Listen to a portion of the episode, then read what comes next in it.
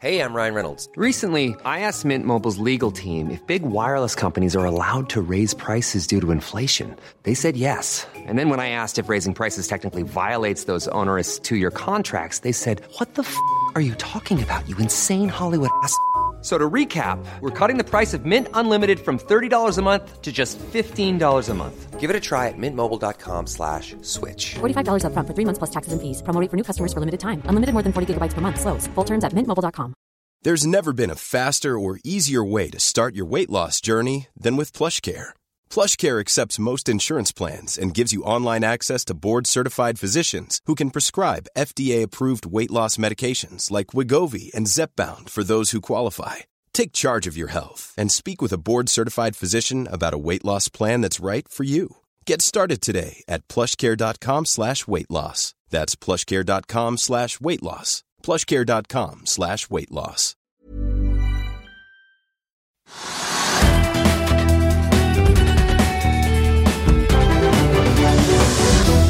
Jeg sitter her med Sasha Beslik, eh, som eh, jobber i eh, J. Safra Sarasin. Ehm, etter 20 år i den nordiske banksektoren, så bestemte du deg i høst for å takke ja til denne sveitsiske storbanken. Hva har vært den største skillnaden etter at du byttet jobb? Den största skillnaden handlar ju om sättet hur man förhåller sig till hållbara investeringar nere på kontinenten. Eh, I Norden finns det ju fortfarande en föreställning om att det här är någonting som är eh, lite trevligt att ha, lite bra att ha. Där nere ser man det mycket mer som en rent kommersiell, väldigt fokuserad eh, tillvägagångssätt att utveckla sin affär därför att man anser att det är här det kommer att hända.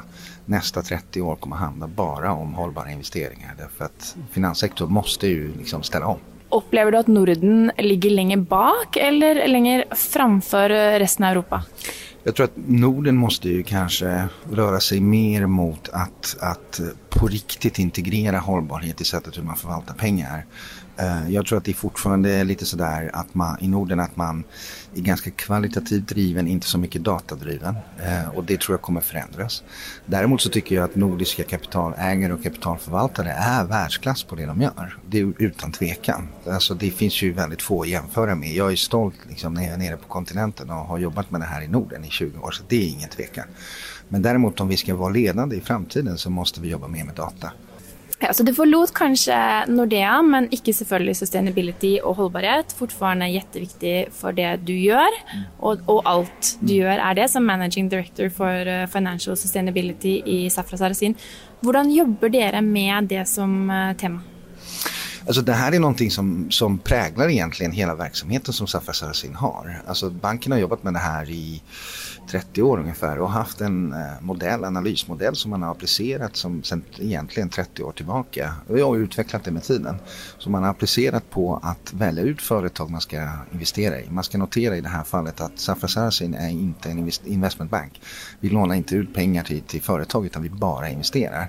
Vilket gör också att när man har den rollen så kan man dra på mycket mer därför att det finns ju inte det som många investmentbanker har som utmaning, det vill säga att man lånar ut pengar men också investerar i bolag, vilket är naturligtvis mycket, mycket svårare. Därför att det finns ju alltid någon form av relation som man måste vara försiktig med och så vidare. Så i det här fallet så är det liksom annorlunda på ett sätt att mitt jobb har ju förändrats lite grann därför att nu jobbar jag, nu behöver jag inte övertyga någon om någonting utan nu kan jag bara jo- jobba. Alltså, Og nå må de overtyge deg, kanskje? Ja, de måste ju övertyga, alltså, de måste övertyga mig att det, det, det, det här modellen eller det här tillvägagångssättet att göra hållbarhet är bättre än någon annan. Och det som är den stora skillnaden är att jag behöver inte slåss längre liksom, för att göra det här utan det är snarare så att nu får jag göra det liksom, hela vägen och det är väldigt spännande. Er det noen, om du ska dra frem några exempel på selskaper ni är investerat i, som är, ligger längst fram på sustainability på alla, alla plan i verksamheten har du några goda exempel? Ja, det, det finns ju företag som ligger långt framme. Eh, jag brukar ju liksom inte vilja rekommendera enskilda namn utan det vi jobbar med är det vi kallar för roadmaps. Det, det vill säga att istället för att, för det här är någonting som man måste förstå, det här är framtiden när det gäller hållbarhet. Idag så har man en utmaning med att, att all data, hållbarhetsdata är bakåtblickande. Och man jobbar ju väldigt mycket med att använda eh, ESG eller hållbar data på slutet i investeringsprocessen för att riskminimera och titta på vilka företag har dålig reputation och sådana där saker. Den riktiga integrationen handlar om att, att välja de företag som har en positiv social påverkan på de samhällena de verkar i och det är någonting helt annat. Det görs inte så mycket. Det görs inte i Norden. Det har börjat göras på lite olika ställen i Europa men det är fortfarande i väldigt liten utsträckning. Så att jag brukar ju säga att framtidens vinnare, de företag som är bra, det finns ju väldigt få hållbara företag. Jag ska ge dig ett, ett, ett exempel. Vi tittade på, och jag släppte på Twitter också, eh, vi tittade i Norden vilka företag ligger på 1,5 eh, graders eh, alltså utveckling när det gäller Parisavtalet, alltså 1,5 graders uppvärmningsscenario. Och det är väldigt få företag i Norden som ligger på den på den eh, projection eh, för att eh, kunna uppnå de här målen. Och då kan du tänka dig hur det ser ut på andra platser i, i, i världen om det ser ut så i Norden. Och det här betyder att vi måste ju ändra sättet hur vi ser på Alltså både långsiktigt hur vi ser på investeringar men också vilka företag verkligen skapar so social alltså impact och jag kallar det för real world impact. För att aktiemarknaden är så som det är nu jag och alla andra som investerar på det här sättet, vi är på den sekundära marknaden. Där vi handlar saker med varandra också. Vi tjänar pengar på pengar och vi alltså, handlar på den sekundära marknaden. På den primära marknaden där företag de facto tillverkar, transporterar och producerar varor. Det är där skillnaderna, det är där saker och ting måste ändras. Och i de modellerna vi har idag så, så när vi applicerar hållbarhet så ändras inte så mycket saker i real world liksom impact utan det är, liksom, det är fortfarande ganska separerat. Så att vi jobbar ju rätt mycket med att utveckla, vi har precis slutfört utvecklingen av den här nya klimatmodellen för alla våra investeringar där vi tittar både framåt men också tar höjd för de riskerna som finns bakåt så att säga. Och det är väldigt spännande att titta på vilka företag som, som ligger bra till. Du skulle bli förvånad, jag kan inte nämna några namn, men du skulle bli förvånad över att se att företag som, som i vanliga fall, till exempel Walmart, som ett, jag kan ta det som ett exempel. Walmart, alltså amerikanska, alltså amerikanska stora, det är de, de största företag i världen. Eh, framstår som en, en, utifrån ett eh, hållbarhetsperspektiv som en bomb därför att de har eh, leverantörsled som är jättestor, de har problem ibland och utmaningar när det gäller alltså, fackliga rättigheter och sådana saker. Men om du tittar på vad Walmart har gjort när det gäller energieffektiviseringen i deras leverantörsled. De är världens, en av världens största inköpare. Och vad de har gjort i relation till att utveckla till exempel hälsa för deras anställda och sådana där saker. Den impact de har skapat är helt enorm. Eh, och så jämför du det till exempel med ett företag som Amazon som inte kanske har så stor påverkan direkt därför att de är det Ebay, alltså internetbaserad affärsmodell. Men Amazon gör ju absolut inte i närheten det som Walmart gör. Så det är den här bilden av världen hur, som, som det ser ut när det gäller hållbarhet är inte den bild som vi ofta har när vi ska investera. Därför att det ser helt annorlunda ut egentligen. De företag som du tror att kommer vara liksom, ha en bra hållbarhetsarbete betyder alltså absolut ingenting att de har en bra påverkan. Förstår du vad jag menar? Det är så att du hanterar ju bara dina, dina värderingar på ett bra sätt. Men vad du gör, det är någonting helt annat. Men har du någon, har du någon eh, uppfattning av att investorer, alltså ESG och gröna investeringar har varit väldigt stort i 2019. Tror du att det är många som köper sig god samvittighet vid att investera jo. också i grönt? Jo, alltså det är så här, det är inflation i det här. Så det, det kommer att bli nästa tre, fyra år kommer handla väldigt mycket om eh, Eh, greenwashing och jag hörde igår att både Norge och Danmark har tillsatt någon utredning om att man ska säkerställa vad är det man säljer till kunderna när det gäller hållbarhet eh, i finanssektorn framförallt, vilket är väldigt bra. Du har initiativ på EU-nivå att man ska ha eco-label, det vill säga att man ska hitta olika alltså, kriterier så att alla vet vad det handlar om det är klart att alla kommer att använda klimatvänlig, eh, climate low, liksom beneficial, olika typer av benämningar på produkter bara för att liksom få in kunderna. Men det, det är ju det som är problemet. Det är så att nu springer alla in i det här området men det är väldigt få som egentligen vet man, hur man gör det här. Och det gör ju också att man kommer att antagligen spä ut rätt mycket av förtroende för branschen om vi inte skärper oss och gör det här på riktigt. Men mange mener jo at ESG-aksjene har gått såpass mye i år at man nesten ser tendenser til en sånn dot com eh, värdering, att de har kommit så pass högt i värdering på väldigt kort tid, Ja. och, som kanske inte kan vara riktig då, eller eh, vad, vad, vad har du några Ja, tankar om Jag, har, jag, har, jag, jag tror att när det gäller ESG-delen så, så det som vi har gjort, det som jag håller på med också i 20 år, det är att, att alltså, införliva, integrera alltså konceptet ESG i sättet hur man värderar företag. Och det är steg ett. Det är att den här informationen ska komma så in i processerna. Sen är det frågan så här, hur påverkar den informationen värderingen av hur företag ska utvecklas och vad företag gör? Vilken social impact har företaget? Dit har vi inte kommit än. Vilket gör att mycket av, av, det, mycket av hållbarhet idag, hållbara fonder, handlar om att man bedömer företag utifrån det de har presterat bakåt och utifrån deras värderingsgrund, inte utifrån deras produkter och tjänster. Vilket är egentligen det som är jätteintressant. För du kan ha ett företag som har superbra värderingar men 80% av produkterna har en negativ påverkan på Sustainable Development Goals eller, eller har en, en eh, klimatpåverkan som är enorm. Men det ingår inte i värderingen idag. Så det är lite så att vi låtsas ju vara hållbara fast i själva verket så vet vi fortfarande inte liksom vad är egentligen hållbart på riktigt. Så när du ser alla investerarna löpa efter aktier som Beyond Meat, vad tänker du då? Jag, jag tänker så här, jätteintressant, men effekten, om du vill verkligen göra en social impact så, så finns det kanske andra aktier på marknaden som har betydligt större social impact på det du vill åstadkomma. Det är lite den här debatten i Sverige och i Norge också med flygskam och lite sådana här saker. Så här. Flyget står i Norden för, eller ja, siffrorna för Sverige vet jag, jag vet inte hur det är i Norge men jag tror att det är ungefär lika, lika mycket.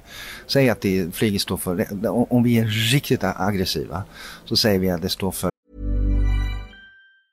It's that time of the year. Your vacation is coming up. You can already hear the beach waves, feel the warm breeze, relax, and think about work. You really, really want it all to work out while you're away. Monday.com gives you and the team that peace of mind. When all work is on one platform and everyone's in sync, things just flow wherever you are. Tap the banner to go to Monday.com.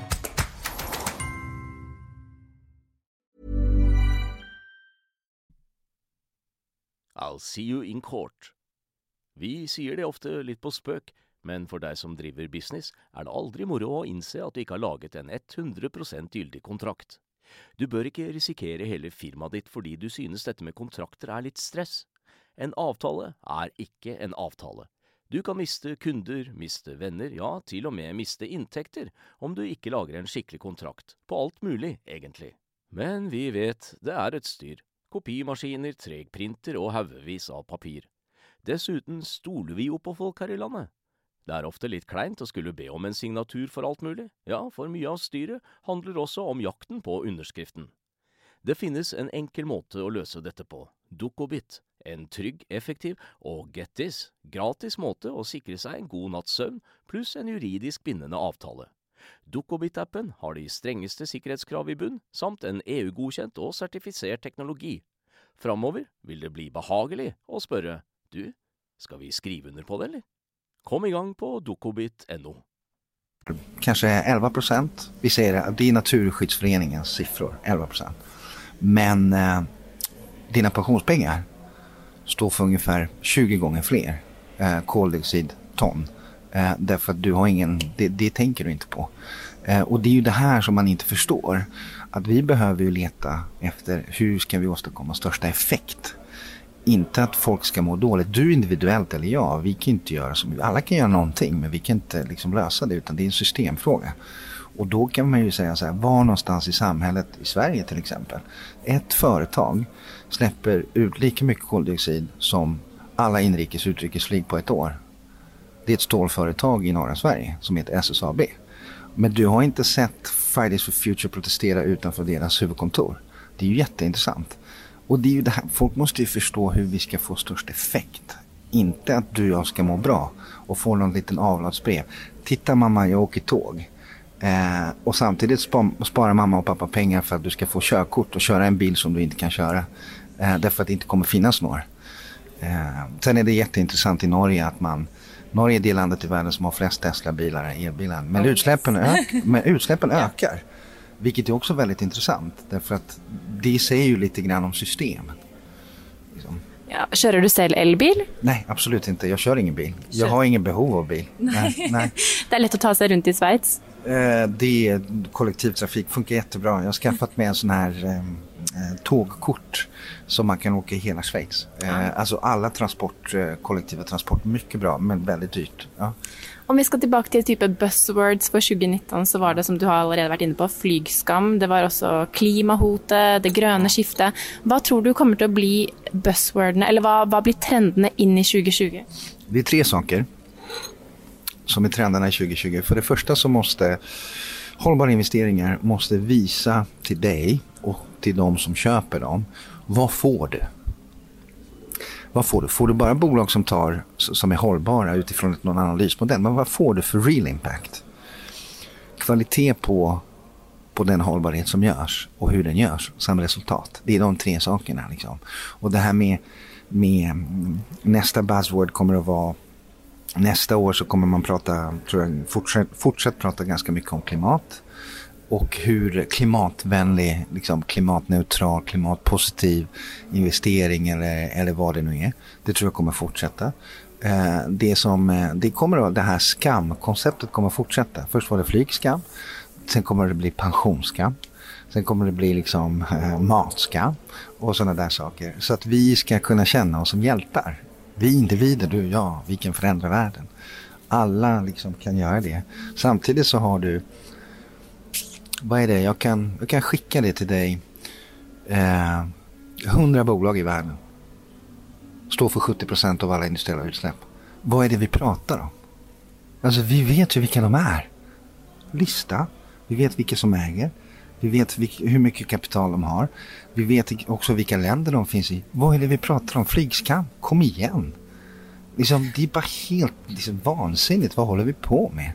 Liksom, och det är det här som är problemet. Det är att man, man har lyckats övertyga dig och mig och många andra att in, jag, du vet i Sverige finns det artiklar så här, så, det här är rubriken, jag skrattar ju ihjäl mig.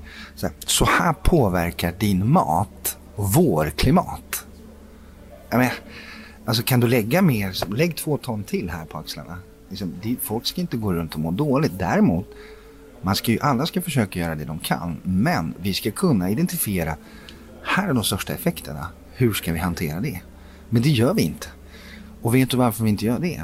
Därför att i själva verket så är det vi vill så revolutionerande när det gäller vårt ekonomiska system att ingen egentligen vill göra det här. För det, det kräver total ombyggnad. Och det kan vi inte börja med att få individerna att må dåligt. Utan konsumtionen kommer fortsätta. Kina kommer att använda mer kol. Norge och många andra länder kommer fortsätta pumpa olja därför att energikonsumtionen kommer att öka. Och det produceras ju bara, jag tror att det är 14 procent av bilar i världen idag är elbilar. Om man tittar på hur det ser ut så kommer man fortsätta, jag tror att man måste producera tre eller fyra gånger så många elbilar i världen för att kunna möta någon form av liksom koldioxidtak. Och det har man inte liksom kapacitet att göra. Och det finns inte heller efterfrågan. Det är de är fortfarande ganska dyra. Så de här sakerna kommer fortsätta. Men det vi måste ta reda på är så här, hur ska vi, hur kombinerar vi ekonomisk tillväxt på riktigt med hållbarhet? Liksom. Hur ofta pratar norsk eh, finansminister om, om eh, eller nej, norsk eller svensk, det spelar ingen roll eh, finansminister om hållbar utveckling. Jag har inte hört talas om det så många gånger tror jag. Nej, nej men, jag har inte gjort det heller i Sverige. Men när vi nu har först är inne på de som inte kommer att prestera så bra i åren som kommer, ser du några sektorer som uppenbart kommer att ha större utmaningar eh, i ett hållbarhetsperspektiv? Eh, jag tror att, att eh, förnyelsebara sektorer kommer att ha ett problem, både sol och vind, Eh, kommer ha ett problem nästa två år på grund av att vi har kärnkraft på väg in tillbaka. Och jag tror att, att eh, det kommer att ställa liksom priset på de här sakerna på ett annat sätt. Så jag tror att det kommer bli lite kämpigt för dem. Eh, det tror jag.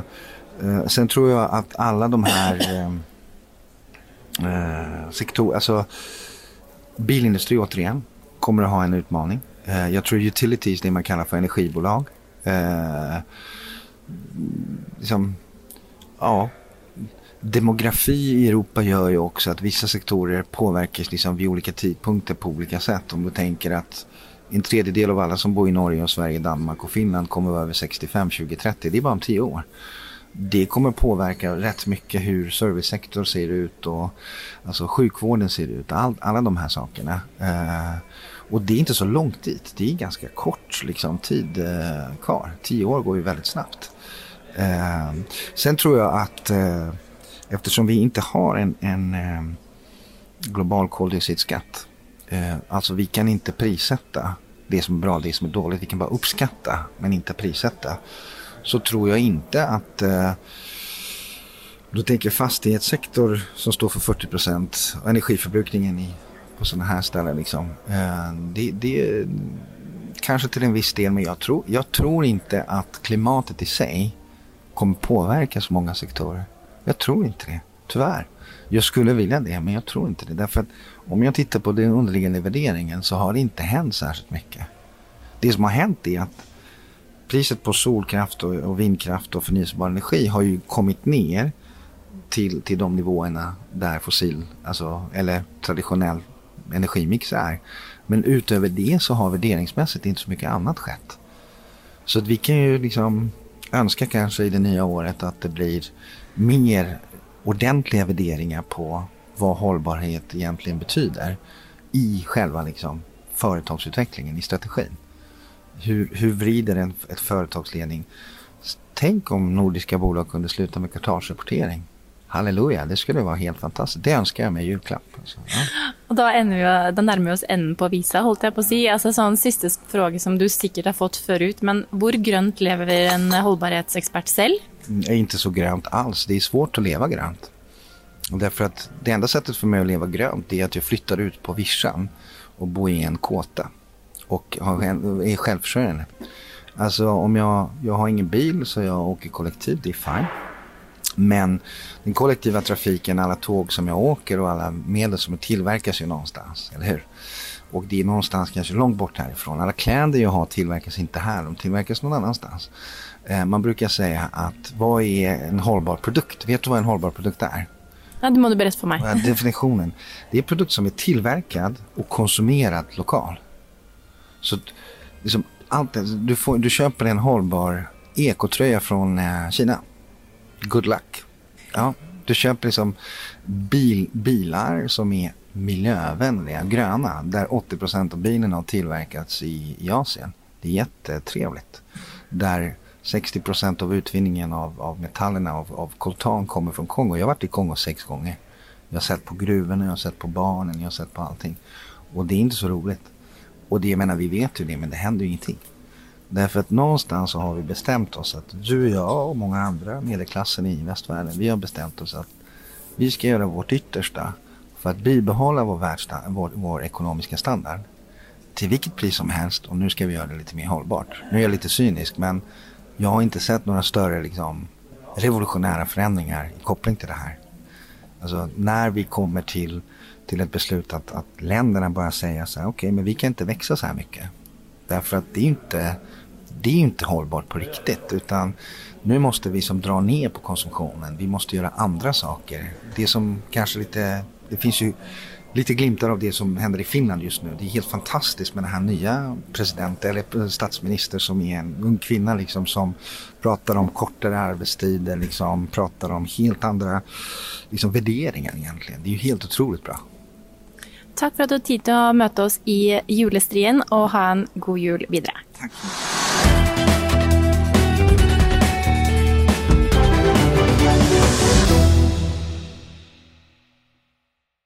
Økonominyhetene er en podkast fra Finansavisen. Programledere er Marius Lorentzen, Stein Ove Haugen og Benedikte Storm Bamvik. Produsenter er Lars Brenden Skram og Bashar Johar. Og ansvarlig redaktør er Trygve Hegnar.